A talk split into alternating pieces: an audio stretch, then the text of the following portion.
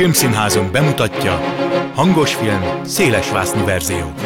Színes szinkronizált mozimagazin a mikrofon által világosan. Kimaradt jelenetek, extrák, színésztablók hangban. Igen, úgy is lehet. Tessék! Hangos film, szélesvásznú verzió. Jó napot kívánok a szerkesztő műsorvezető Tímár Ágnes köszönti Önöket. A mai adásban beszélgetünk az irodalmi adaptációkról a ma 70 éves a Kilimanjaro Hava című dráma kapcsán, valamint összegezzük a 79. Velencei Filmfesztivál eredményeit. Vágjunk bele! Audio kommentár. A kameraforgás irányának követése. A vonalban Hírs Tibor filmtörténész van velem, jó napot kívánok! Jó napot kívánok mindenkinek! Pontosan ma, 70 éve mutatták be az Ernest Hemingway novellájából készült a Kilimanjaro Hava című filmet, többek között Gregory Peckkel a főszerepben, hogyha már Hemingwayről van szó, hogy ő egy, ha lehet így fogalmazni, egy jól adaptálható szerzőnek számít, tehát abból a szempontból, hogy mondjuk egyébként is jó arányban van a konfliktus, a szerelem, az üzenet a, a műveiben, vagy mondjuk láthatóan, mert nem egy írását vászonra vitték, sokat kellett alakítani a, a szerzőnek a kor elvárásai szerint. Hát az eredmény, amennyiben sok film készült az ő műveiből, annak alapján egy jó adaptálható szerző. Másfelől úgy az ember elkezd ezen gondolkodni, tehát fölidéz Hemingway dialógusokat, azokat a szikár szövegeket, amit ha Hemingway igazán Magyarországon a 60-as évek elején divatba jött, és ezt a bizonyos nagyon kemény, nagyon nyomasztó, mondhatni kicsit már-már modnorosan túlhajtott maszkulin milliót, amiben ezek a történetek játszódnak, és ami akkor nagyon menőnek számított természetesen. A csuda tudja, hogy ezt rendesen lehet-e úgy adaptálni, hogy valójában ezeknek a szövegeknek hangulata jöjjön át a, a filmen.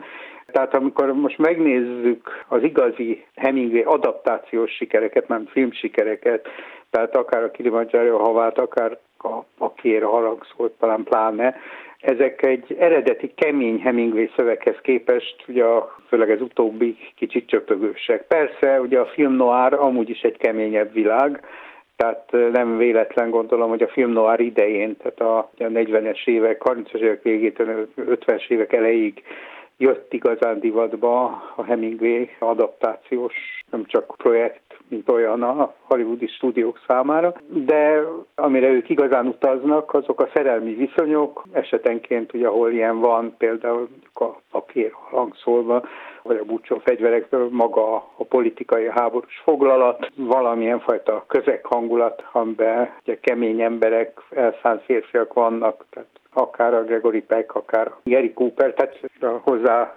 méltó és passzoló igazi filmnoáros nő alakok, Ingrid Bergman, stb., de maga az a dialógus világ, az, az ritkán jön át. Talán még, amikor még novellából készült a legkorábbi, vagy az egyik legkorábbi Hemingway adaptáció, ha jól sejtem, hogy a bérgyilkosok ott adja magát, hogy, hogy az a borzongás is összejöjjön, meg ugye hát a legkésőbbi, tehát a, a Nobel-díjas darab adaptációja, az öreg halász, de ott meg nagy monológok vannak, ugyebár, ez, ez megint egy másik világ.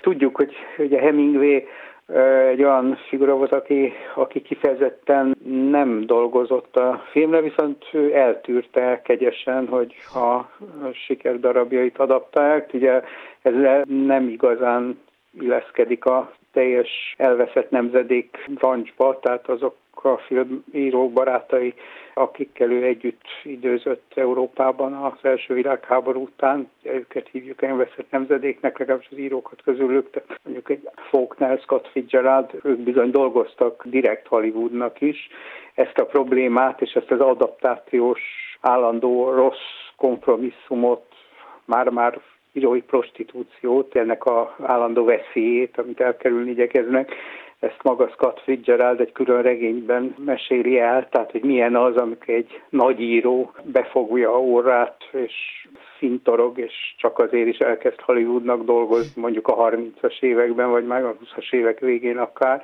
és erőlteti a dolgot, de egyszerűen a tudatalatti, amíg úgy dolgozik, hogy csak azért is lebutítja saját szövegét, vagy pedig saját okosságát veszi takarékra, hogy olyan szöveget írjon, ami szerinte a tömegkultúrában is megállja a helyét, azaz magyarul a az amerikai film számára is egy használható termék, és egy furcsa módon ott talán Hemingway nevében is Scott Fitzgerald, mint egy önkritikus, hogy hogy is kell az adaptáció gondolatát nem túl kombinálni egy írónak, amikor, amikor fölkérik, hogy ha csináljanak a sikerregényéből sikerfilmet. Ebbe a hibába azt hiszem sokkal később a már-már kortárs bestseller szerzőink is beleesnek, tehát hogy hogyan gondolkodik, ki tudja, nyilván nem tudunk a volt bújni mondjuk egy Rowling, amikor a Harry Pottert adapták, és akkor kitalálja, hogy ő vagy az egyik szélsőség, hogy nagyon ragaszkodik ahhoz, amit,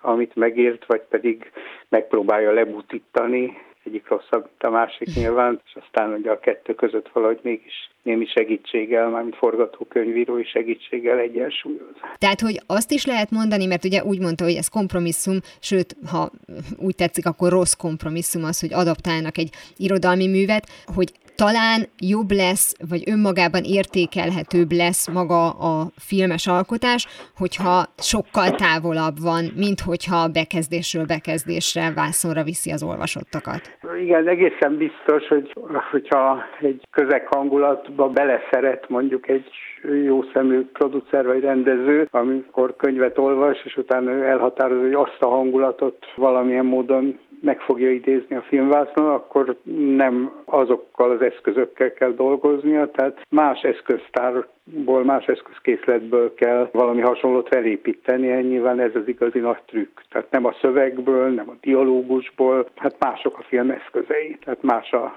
a tempója, más a vizualitás lehetősége, Ugye a regényben belső képeket kell felidéznünk, azokat stimulálja az az olvasó fejében az író, hogy azok sikeresen felidéződjenek.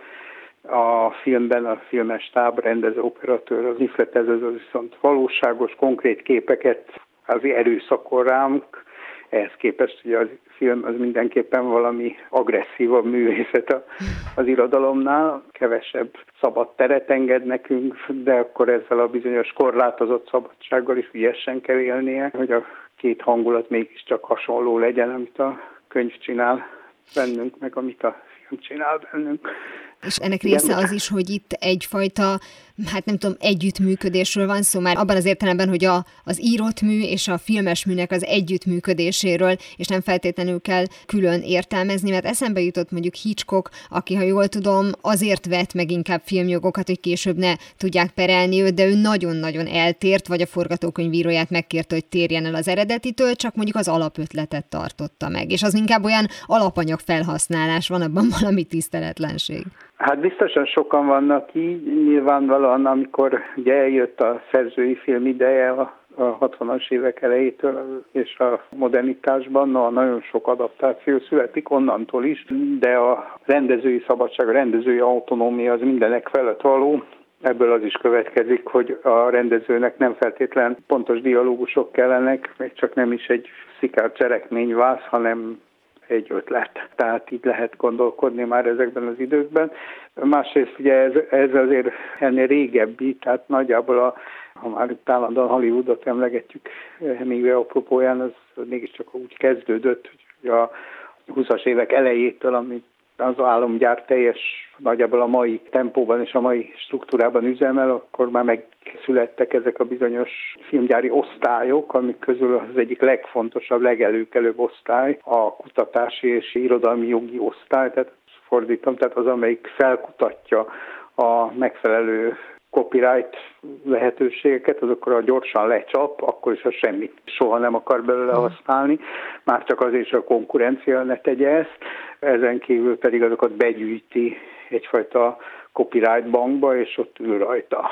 Vagy pedig ellenkezőleg természetesen megpróbál ráígérni, versenyezni, stb. Vannak egyébként, főleg az amerikai filmre vonatkoztat egyfajta furcsa helyzet, egy irodalmiasabb korszakok vélem, és ugye kevésbé nem is csak művelt közönségre, de minden esetre olvasó közönségre építő korszakok. Például a 30-as évek végén nagy adaptációs divat van, tehát mindenféle fontos regények az Ósztól a elfújta a szélig, természetesen a hardboiled, tehát ezek a bizonyos tipikus kemény magándetektív történetek ig, tehát minden-minden adaptációért, filmes adaptációért kiállt Hollywoodba, tehát akkor igazi irodalom vadászat van, akkor filmeket is azt szerint hirdetnek, hogy, hogy már az előzetes reklám, a promóciónak része az, hogy, hogy megvitatják, mint egy újságon keresztül, rádión keresztül, tehát azon a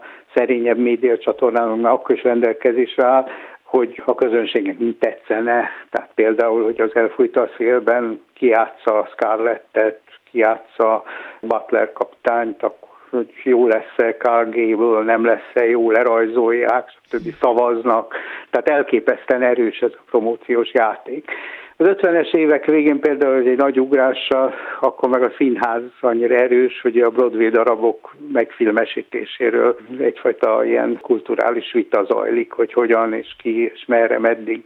Tehát vannak ilyen erős irodalmias korszakok.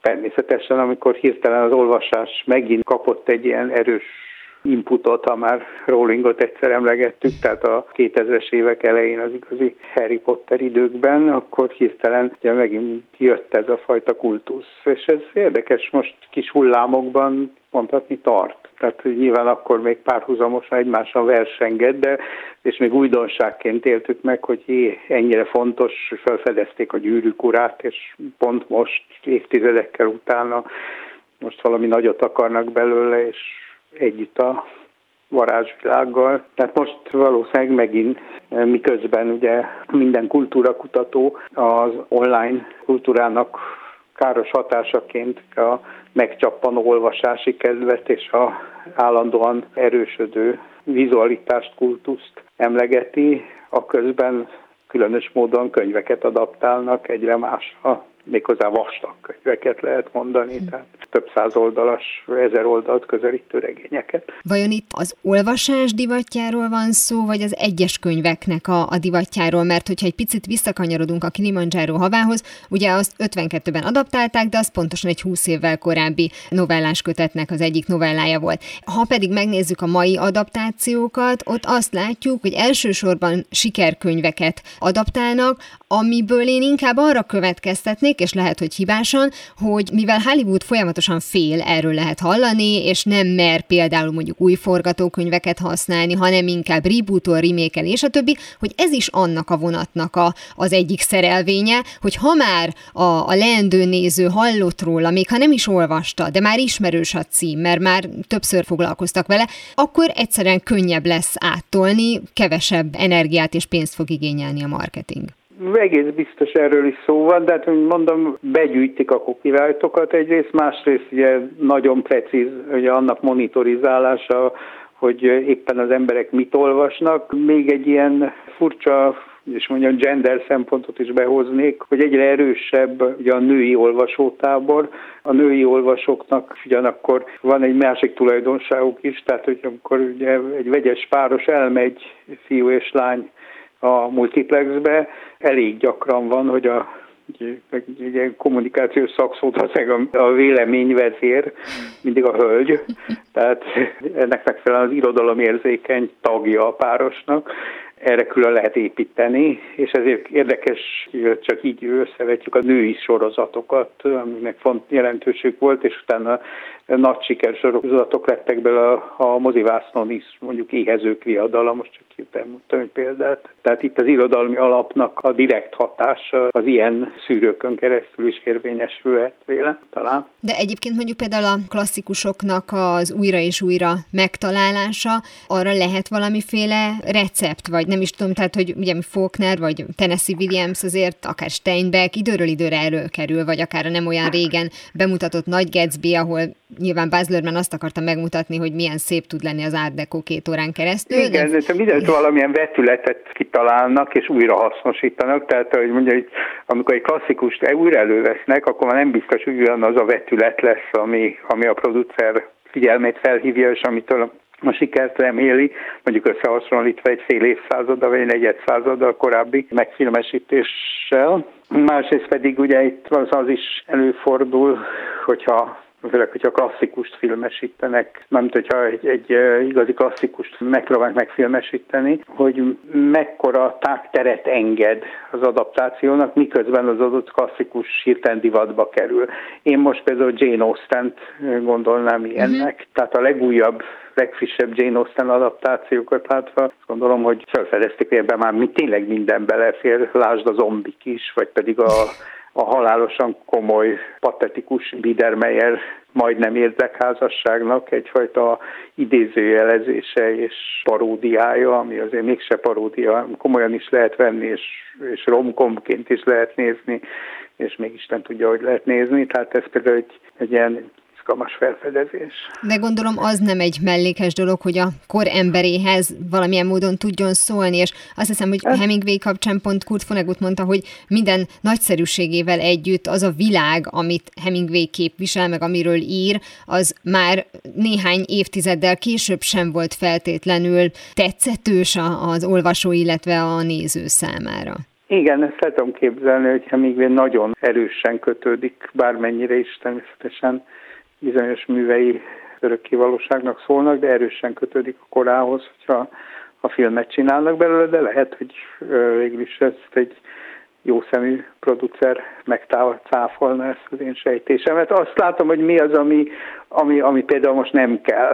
De mondjuk az 50-es években, ugye amikor az úgy nevezett Sword and Sandal, tehát a kard és sarú szuperprodukcióknak volt divatja, tehát ezek az ókorban játszódó történeteknek, amikor azt, ha megnézzük a Sienkvérctől, tehát ezek mind, mind szintén adaptációk, tehát a, a Kóválisztától, tehát nem feltétlenül eredeti forgatókönyvek. Na most ezeknél az egy nagyon fontos szempont volt, hogy pontosan kell szépen pontosan kell óriási költséget is vállalva azt a világot, azt a nagy római, Egyiptom és a több világot felidézni, az egész ókort, mint egy odaönteni a néző lábai elé. Ma ez a pontosság nem hiányzik, tehát nem hiszem, hogy például nagyon szaladnának egy pontos háború és békét csinálni, egy pontos tíz parancsolat riméket, vagy Kóvádis riméket. Egyszerűen azon okokból, hogy a nagy történelmi regényekről beszélek most,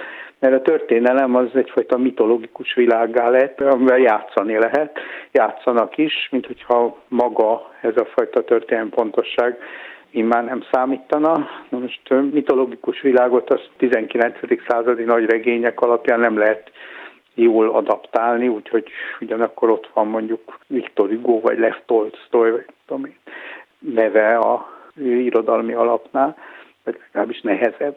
Persze itt is lehet, hogy a valóság hamarosan cáfolni fog, már ugye egy, egy kijövő hollywoodi szuperprodukció, ami történelmi és, és ilyen igazi 19. századi nagy regény adaptáció. Ehhez jobban passzolnak a, mítosz regény adaptációs lehetőségek, lásd trónokharca, tehát nem kell messzi menni. Ha már egyébként ezt említette zárásul, és egyébként erről már ugye volt szó, hogy például a Kilimanjaro hava is novella, hogy lehetséges, hogy eleve a novella alkalmasabb arra, hogy abból egy egész estés film legyen, és nem véletlen az, hogy az olyan regények, mint például Jane Austennak a, a művei, azok 4-6-8 részes minisorozatban jelennek meg, mert pont emiatt a, talán a pontosság, vagy a, a cselekménynek a, a részletezése miatt jobban át tudja adni azt, amit át akar adni. Most a, a nagy sorozatok, azok magát az epikusság, meg a drámaiság, hogy ilyen esztétikai fogalmat használják divatját, erősen átértékelik a világban. Valaha mondhatni a, a játékfilm hajnalán az egy nagy felfedezés volt, hogy igazi filmesét azt novellából lehet csinálni, és nem regényből, miközben ugye látszólag ugye a regény adaptáció volna filmszerűbb, abból bomlik ki egy nagy tabló. Aztán ma már természetesen ez is van, az is van. Nagyon szépen köszönöm Hírs Tibor filmtörténésznek, hogy beszélgetett velem a filmes irodalmi adaptációkról. Nagyon szívesen. Filmiradó. Hírek a mozivászon túloldaláról. Pontosan egy héttel vagyunk a Velencei Filmfesztivál után, azért kell egy héttel később beszélnünk róla, mert képesek voltak idén is szombat este odaadni a díjakat, amikor is ugye az előző adáson már túl voltunk, úgyhogy most össze tudjuk foglalni, hogy mi is zajlott ott, méghozzá egy olyan szakértővel, aki a helyszínen is volt, Rakita Vivian filmes újságíró, aki itt van velem a vonalban. Szia! Hello! Megvannak ugye az eredmények, tudjuk, hogy ki a nyertes, és már is érdemes azzal kezdeni, hogy tulajdonképpen nem csak a magyar kritikusok, hanem a kritikusok többsége kiadta ezt a filmet, mert sikerült jó későre rakni. Igen, nagyon érdekes volt az idei program, mert nagyon sok olyan film volt, ami ilyen késő esti vetítést kapott. Többek között egyébként Brandon Frasernek az új filmje a Bálna is, de az Arany Oroszlánt kapott All the Beauty and the Bloodshed szintén és ezért néha azért a kritikusunknak is a saját egészségét és a lelki állapotát kell előtérbe helyezni, és azért elmentünk aludni. Ahelyett, hogy megnézzük volna az All the Beauty and the Bloodshed-et, mert másnap minden reggel korán keltünk, szóval már egy kicsit úgy éreztük, hogy ránk fér a pihenés. Lehet, hogy egy másik filmnek kellett volna így dönteni, mert így most nem láttuk a a győztes. Hát ugye ez a totó, tehát hogy ugye ki tudja előre, hogy melyik az, amit érdemes lesz kihagyni, de mindig vannak ilyen előzetes plegykák, hogy mik az esélyesek, vagy éppen kik az esélyesek, hogy ennek nem volt esetleg egy olyan előzetes marketing hadjárata, vagy legalábbis felröppent hírek alapján, hogy joggal gondoltátok esetleg azt, hogy hát ezt kihagyhatjuk. Igazából meg szerettük volna nézni, de emellett nem volt semmi olyan arra utaló jel, hogyha ezt mi most kihagyjuk, akkor nem nézzük meg az Aranyoroszlánt kapó uh-huh. filmet. De ettől függetlenül nyilván meg szerettük volna tényleg nézni, de nem is erre gondoltunk, hogy amikor így magunk között beszélgettünk, hogy vajon mi lehet a győztes, akkor nem, nem az All the Beauty and the Bloodshed-re tippeltünk. Ha már a film szóba került, azért pár mondatot mondjunk róla, hogy egyrészt miről is szól ez, meg hogy mennyire ritka jelenség, hogy egy dokumentumfilm nyerje az Aranyoroszlánt. Igen, hát ez csak a második dokumentumfilm, ami valaha Aranyoroszlánt nyert. Korábban 2013-ban egy olasz dokumentumfilm tudta ezt